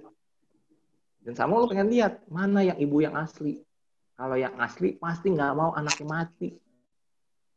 Tapi yang bilang iya bunuh aja bagi dua. Nah ini bukan. Nah itu kalau bukan hikmat Tuhan, saya rasa nggak mungkin itu. Nah kayak begitu-begitu tuh, ibu ya tante. Termasuk dalam kehidupan kita nih, mungkin kita lagi buntu, kita nggak tahu Tuhan, tolong dong ini mesti gimana ya, gitu. Eh tiba-tiba kita punya pemikiran atau tiba-tiba ya, kita dapat mimpi ya. Atau mungkin bisa langsung tiba-tiba ada orang yang nolong. Nah bapak ibu. Nah itulah hikmat ya. Dan Tuhan kasih ke kita karena hikmat kita diberikan yang hikmat Allah itu diberikan oleh roh kita karena itu penting bapak ibu kita itu kasih makan roh kita penting banget tuh Ya. Penting banget juga otak kita yang berhubungan dengan roh itu semuanya kan di otak kita nih otak manusia kita otak Bapak Ibu. Itu juga perlu dilatih, diisi. Gitu. Ya. Dengan apa hikmat yang ada di sekitar kita, hikmat dunia ini nih, ya, di mana Tuhan bilang di Amsal belajar sama semut, belajar sama lihat gunung, coba, oh iya, nah, itu perlu juga supaya apa? Supaya kita memahami bahwa sebenarnya hikmat Tuhan tuh ada di mana-mana. Asal kita mau nggak kita terus belajar dan belajar dan belajar. Itu aja. Ya. Terus belajar, itu aja. Kuncinya begitu. Datang kepada Tuhan dengan kerendahan hati, nanti Tuhan akan tolong kita. Ya, karena belajar itu artinya kita mau masa bodoh, ya kita butuh lagi dan lagi dan lagi gitu. Nah gitu tante. Jadi itu salah satu contoh yang ada di Alkitab dan juga di kehidupan kita. Ya. Karena itu yuk kasih makan rohani kita nih dengan firman, renungkan firman. Ya. Karena dengan firman katakan apa? Takut akan Tuhan adalah permulaan pengetahuan. Nah, itu udah jelas banget. Ya. Makanan roh kita adalah firman. Semakin penuh hikmat, bacalah firman Tuhan, renungkanlah firman Tuhan. Ya. Gimana tante cukup jelas? Atau mungkin yang lain mau nambahin silakan. Uh, iya, jelas. Saya mau ngomong sama Ramli ya, Ramli, shalom Ramli. Oh iya, silakan Om. Shalom. Itu ya. saya suka, suka nanyain ini keadaan Ramli bagaimana? Mm -mm. Itu Gimana, apa sembuh belum? Mm Ramli. Ya, Pak. Sakitnya Ramli itu pinggangnya udah sembuh belum? Oh, sudah, Pak. Sudah. Puji sudah, Tuhan. Tuhan. Kadang-kadang isi saya suka mau nanya gitu. Oh ya, terima Waduh. kasih. Udah kasih Ibu Heli, Heliana, Tante Heliana sudah sembuh. Lagi dulu dia. Udah ya. sembuh ya, nanti saya sampaikan. Puji Tuhan. Ya, terima kasih Pak Adi. Iya, sama-sama. Tuhan berkati. Tuhan berkati. Iya. Iya, udah. Oke, baik. Nah, Bapak Ibu, karena waktu udah jam 9 kurang, ada jam 9 pasti sekarang. Jadi, eh, saya sekali lagi mau umumin, mungkin yang baru tadi datang di tengah-tengah, di awal tadi saya katakan bahwa Komsel gabungan ini akan segera saya selesaikan atau bubarkan. Ya, tetapi saya rindu Bapak Ibu yang belum punya komunitas secara online nih ya atau punya home memang punya komsel ya. Tetapi kan lagi pandemik ini lagi off semua nih lagi libur lagi nggak jalan. Nah saya rindu boleh masuk ke komsel-komsel online yang ada ya misalnya di sini Bu Julianti nanti hari Rebo akan mulai komsel secara online ya dan kemudian eh, ada lagi sebenarnya ada komselnya Ibu Hani itu hari Selasa malam. Ya, silakan bergabung. Ya, Ibu Hani masih di sini nggak? Si Hani masih? Handri. Ya. Oh iya, gitu. Ya, jadi silakan karena saya sudah terbitkan bahan bulan Oktober ini tentang doa, yang ngebahas sedikit, ya cuplikan-cuplikan dari apa yang pernah saya ajarin, ya. Jadi nanti Bapak Ibu bisa bagikan ke anggota yang lain. Dan yang belum nih, yang belum terhisap, ayo silakan. Ada lagi komselnya Uh, Ibu Mul. Ibu Mul, Pak Edi iya. Bambang. Itu eh, hari Pak Rabu Edi Bambang. Ya. Gitu. Itu hari Rabu. Terus kemudian ada lagi uh, komselnya Ken. Itu komselnya tempat saya juga. Itu hari Jumat. Tapi ngadainnya malam banget. Jam setengah sembilan atau jam sembilan malam. Ya. Ada lagi yang Sabtu, komselnya Pak Luki. Ya. Itu hari Sabtu sore ngadainnya. Nah, kalau Bapak Ibu mau, ayo silakan. Nah, juga ada nih, ya Jim. Jadi ya Selasa depan ya, ini buat boleh dibilang anak muda juga sih. Tapi yang isi kebanyakan uh, guru sekolah minggu, hari Selasa, malam juga, gitu. Ya, nah, saya himbau yang belum terhisap nih, kalau Om Hadi kan dari konselnya Ibu Julianti, ya. Nah, Ibu Juni juga katanya mau bikin juga sama Ibu Anita komsel untuk wanita-wanita gitu ya. Jadi ayo saya eh, himbau yang belum nih kayak Ibu Vila, Ibu Vila sebelumnya komsel di mana? Ibu Hani. Ibu Hani. Ibu Hani ya udah ikut ya berarti ya. Oh ya, lupa saya. Betul Ibu Hani. Nah, Ibu Shoki, Ibu Shoki apa mau gabung sama Ibu Julianti dulu, nanti anggotanya diajakin aja ke situ, digabung dulu. Kalau udah terbiasa, udah semangatnya udah ada, nanti bisa jalan sendiri gitu. Ya. Oh, suaranya masih di mute tuh, tante. Dipencet dulu. Ya. Hari Rabu juga soalnya Ibu Julianti. Jadi kalau misalnya tiap Rabu tante bisa kan, tante bisa ikut Ibu Julianti tuh. Ya tiap Rabu. Nah, kalau Pak Ramli gimana Pak Ramli? Ramli mau ikut Bu Julianti boleh? Boleh, nanti Ibu Pak Edi juga bisa. Uh, uh, Pak Edi juga bisa ya. Kalau Ibu Santi, Ibu Santi, uh, gimana Pak Ramli?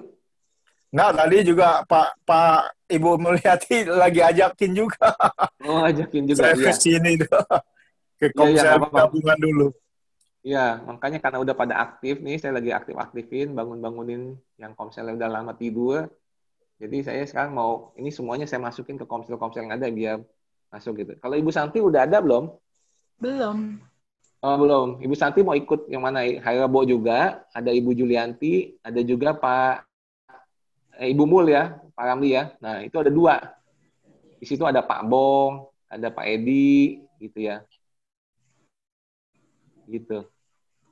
Silakan. Boleh lah. Hmm. Ya, nah ini Ibu Julianti, Ibu nanti bisa kontak-kontak atau mengobrol tanya nomor WA-nya. Uh, mungkin saya bisa masukin. Jadi kalau mau ikut langsung bisa ikut langsung daftar nih. Ya. Yang ada dulu nih saya masukin ya. Tunggu saya ketikin aja dia langsung. Jadi bisa ini nomor WA-nya Tante Julianti ya. Nah, saya masukin ya, Tante. Kalau Ramli kan gem gembaling ya Ramli iya, ya. Pak. Iya. saya bisa keliling ya, keliling biasanya. Keliling ya. juga bisa. Nanti ke Ibu Julianti, ke bisa. Pak Edi Bambang, yeah. ngiter-ngiter. Iya, iya. Ya, nih kalau ini Ibu Hani. Komsel kita sendiri yang belum. mm -mm. Kalau mau dihidupkan kembali, ayo Pak, saya bantu. Nah, itu saya kasih nomor handphonenya, gitu ya. Uh, Om Eko, Om Eko, Om Eko gimana? Om Eko masuk mana?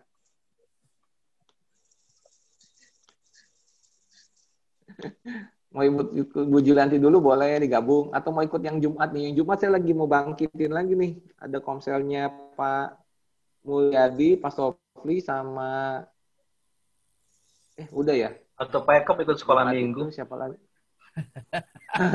Iya, boleh hari Selasa. Tante Helina gimana? Mau ikut komsel? Ya. Kojohan? Oh, Kojohan udah ya di tempatnya itu ya. Eh.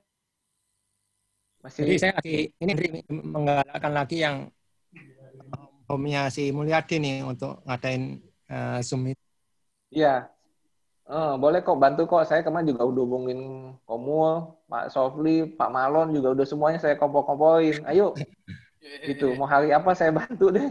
Iya, iya. Saya tadi udah udah reminder cuma ya coba pelan-pelan lagi dan cuma saya uh, pelan-pelan. Nah, cuma ya ini kayak agak slow down jadi coba saya uh, Andre juga tolong bujukin ya untuk ya, untuk kok sama-sama kok kita. Sama kalau Kocong sih saya udah ajakin tapi kayak belum dulu dia. Saya udah uh Iya nggak apa-apa yang bisa aja. Harry juga nih kan Harry Jumat ya Harry. Harry mau gabungan aja nggak nih sama Komselnya Komul nih? Nanti saya bikin aja kok. Oh gitu ya. Iya. Iya kalau misalnya bisa atau jumlahnya terlalu sedikit kan takutnya nggak semangat nih. Cuma ah, cuman ini. Nah kita gabungin dulu. Terus kita ajakin tuh setiap minggu.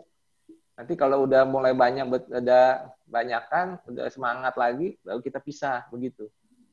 Uh, nanti saya coba dulu deh kok nanti kalau memang yang ikut dari komsel saya nggak banyak nanti saya akan kasih tahu deh biar gabung ya, ke mana oh, gitu. Ngajak Tante Helena tuh untuk semangatin lagi yang lain-lain. ya. Oke, siap siap. Siap ya. Soalnya gini Bapak Ibu, minggu, ya. Kalau minggu kita udah siap ada tujuh delapan.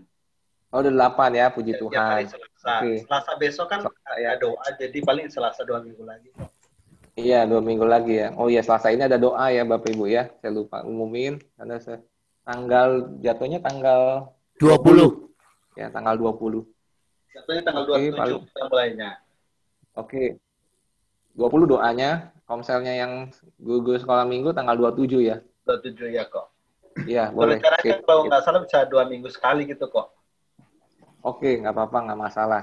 Yang penting mulai dulu, kalau misalnya dirasa kurang, karena gini Bapak Ibu, setelah saya survei, ya baik di gereja kita, jemaat maupun di gereja lain, ya sekarang-sekarang ini udah pada bosen dengerin firman secara online.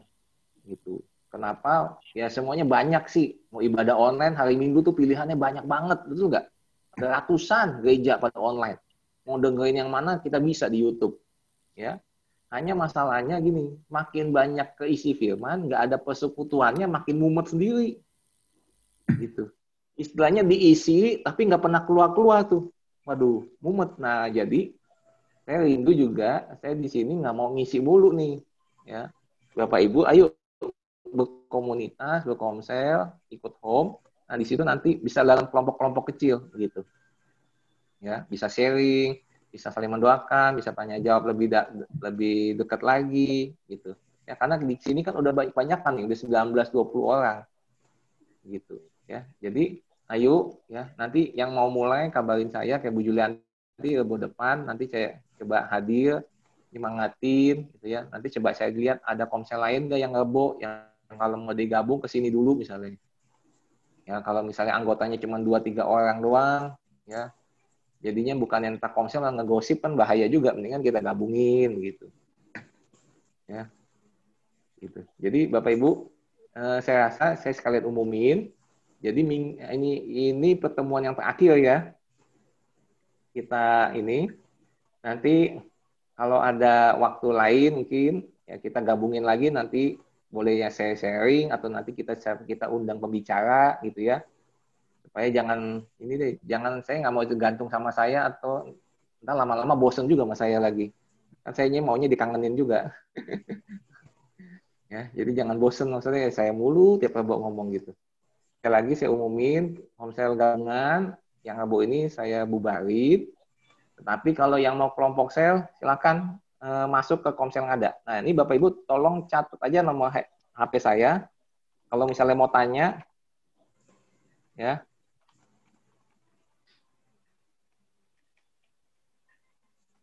Nah, silakan ini bisa WA ya. Nanti tanya komselnya mau ikut hari apa yang sebisanya Ibu. Kalau misalnya udah terbiasa hari Rabu, ya udah langsung nih Ibu Julianti. Ya, atau mau pindah hari lain Selasa, ada Ibu Hani gitu. Hari Jumat nanti ada tempatnya Kojohan, ya, adanya Pak Heri juga ada gitu. Ya. Jadi ini. Selasa juga ada yang suka minggu yang muda-muda kalau mau ikut silakan. Nah, boleh. Ya, Bapak Ibu saya rasa itu dulu yang saya bisa umumin. Jangan lupa tanggal 20 kita ada doa bersama hari Selasa, gabungan semuanya diajak ya. Eh, kita ajak yang lain juga untuk ikut berdoa bersama gitu. Oke. Jadi sementara itu ada pengumuman tambahan? Ada ada yang mau tambahin apa ya? Hmm, saya rasa cukup ya. Oke, sebelum kita akhiri ada yang mau didoakan Bapak Ibu?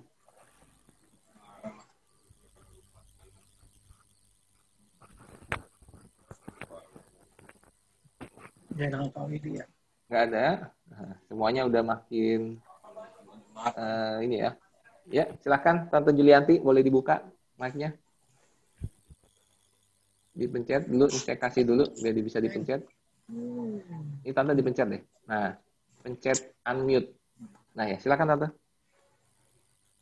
Tolong doakan supaya bisa berjalan dengan baik. Pada Apanya, Tante? Komsel kami. Oh iya iya pasti pasti itu komsel dulu iya kita dukung Tante kita distribusikan energi nanti. pinggangnya lagi. Mm -hmm. Oke ada lagi Harry ada yang mau didoain? Uh, Ko Andri itu buat anggota sel saya deh, yaitu oh, Pak iya. Amma ya, Ibu Sumi. Ibu Sumi, iya, oke. Okay. Ya kita doakan mereka lagi sakit, Ibu Sumi masuk rumah sakit, Hendra juga masih sakit di rumah ya. Iya. Kita doakan, oke. Okay. Ada lagi, Bapak Ibu? Saya berharap dengan pembelajaran kita, Bapak Ibu menjadi agen-agen Tuhan, ya, Nah, nanti kalau yang mau rekamannya Bapak Ibu sudah ada di YouTube dan sudah ada di Spotify. Jadi Bapak Ibu tinggal dengar kalau Spotify itu audio doang. Jadi bisa dengar suaranya yang terekam ya. Tapi yang awal-awal tuh pelajaran-pelajaran pertama nggak ada rekamannya karena waktu itu masih gaptek dengan Zoom. Tapi baru belakang baru belakangan ini baru bisa lebih rapi. Eh ya hari ini udah direkam puji Tuhan. Om Eko makasih dipencet. saya sampai lupa saya nggak sadar. Lupa rekam saya tadi pencet. Tapi agak terlambat tadi sebentar. Iya iya nggak apa-apa. Iya saya juga lupa om saya aja lupa yang ngomong. Ya oke kalau gitu bapak ibu kita doa dulu ya. Kalau nggak ada yang mau didoakan, kita doa dulu sebentar. Saya keluar dari sini. Oke. Yuk, Mari kita berdoa. Bapak yang kami sembah di dalam nama Tuhan Yesus, kami mengucap syukur untuk hari ini kami boleh belajar bersama-sama. Sudah lebih dari empat bulan dan jalan lima bulan Tuhan. Di 18 pertemuan ini kami boleh berkumpul bersama secara online. Tapi kami nggak mau pertemuan ini makin besar, tapi kami mau kami ada di kelompok-kelompok kecil, karena kami nggak mau sekedar hanya mendengar firman tanpa kami melakukan ataupun membagikan kepada saudara-saudara kami. Kami rindu Tuhan, biar setiap kami di tempat ini, Bapak Ibu, terhisap di dalam home yang ada, untuk mereka boleh semakin bertumbuh, semakin serupa dengan Tuhan. Kami percaya Tuhan itu yang kau kendaki, bahwa kami boleh ada di dalam persekutuan, sehingga kami boleh saling menguatkan, memultiplikasikan energi, menduplikasikan Tuhan. Sehingga kami semakin terus berapi-api di dalam Tuhan. Terima kasih Tuhan, yang berdoa buat home yang akan mulai seperti home Ibu Julianti di Tanjung Duren, home Harry yang ada di Meruya, home Mulyadi, Mulyadi yang ada di Sunrise Tuhan, yang mau dibangun secara online, juga Komsel Ibu Hani dan Mogot yang akan online hari Selasa, Om yang gue sekolah minggu juga hari Selasa yang akan dimulai Tuhan. Mari Tuhan, biar ini boleh menjadi api-api yang akan membangkitkan jemaatmu Tuhan Yesus. Bangkitkan semangat mereka untuk bersekutu, karena apa yang kami kerjakan ini bukan untuk kepentingan Tuhan, tapi untuk kepentingan kami sendiri, sehingga kami boleh dibentuk semakin serupa seperti Kristus. Kuatkan dan teguhkanlah setiap gembala sel Tuhan, untuk mereka tetap boleh bersemangat dan biarlah Tuhan Engkau akan memberikan kerinduan ini dan juga hikmat Tuhan untuk mereka semua boleh menjalankan ini sesuai dengan rencana dan kehendakmu Tuhan. Kami berdoa juga saat ini buat saudara-saudara kami yang sakit Tuhan. buat Ibu Sumi yang dirawat di rumah sakit Pelni, buat Pak Hendra yang masih sakit di rumahnya, juga tadi ada satu lagi yang butuh didoakan, maaf saya saya lupa.